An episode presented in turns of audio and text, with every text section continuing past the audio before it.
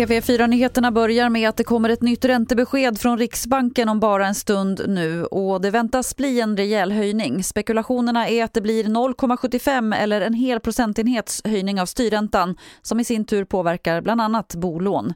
Och fler höjningar är att vänta ändå menar experter. Den här räntehöjningen som vi kommer få idag, oavsett hur stor den blir, kommer ju inte vara den sista utan Riksbanken har varit väldigt tydligt med att man kommer fortsätta höja räntorna i relativt snabb takt under det kommande året. Det sa Johan Javeus som är chefstrateg på SEB. Och om man skulle få svårt att klara av sina amorteringar och räntor på grund av det ekonomiskt tuffa läget så säger Finansinspektionen till SR att man kan kontakta sin bank för att tillfälligt slippa amortera. Finansinspektionen säger att möjligheten till det har funnits sedan amorteringskravet infördes för sex år sedan.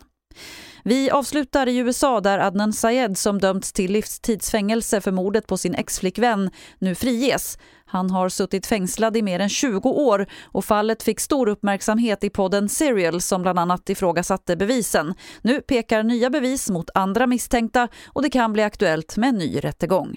Fler nyheter finns på tv4.se. Jag heter Lotta Wall.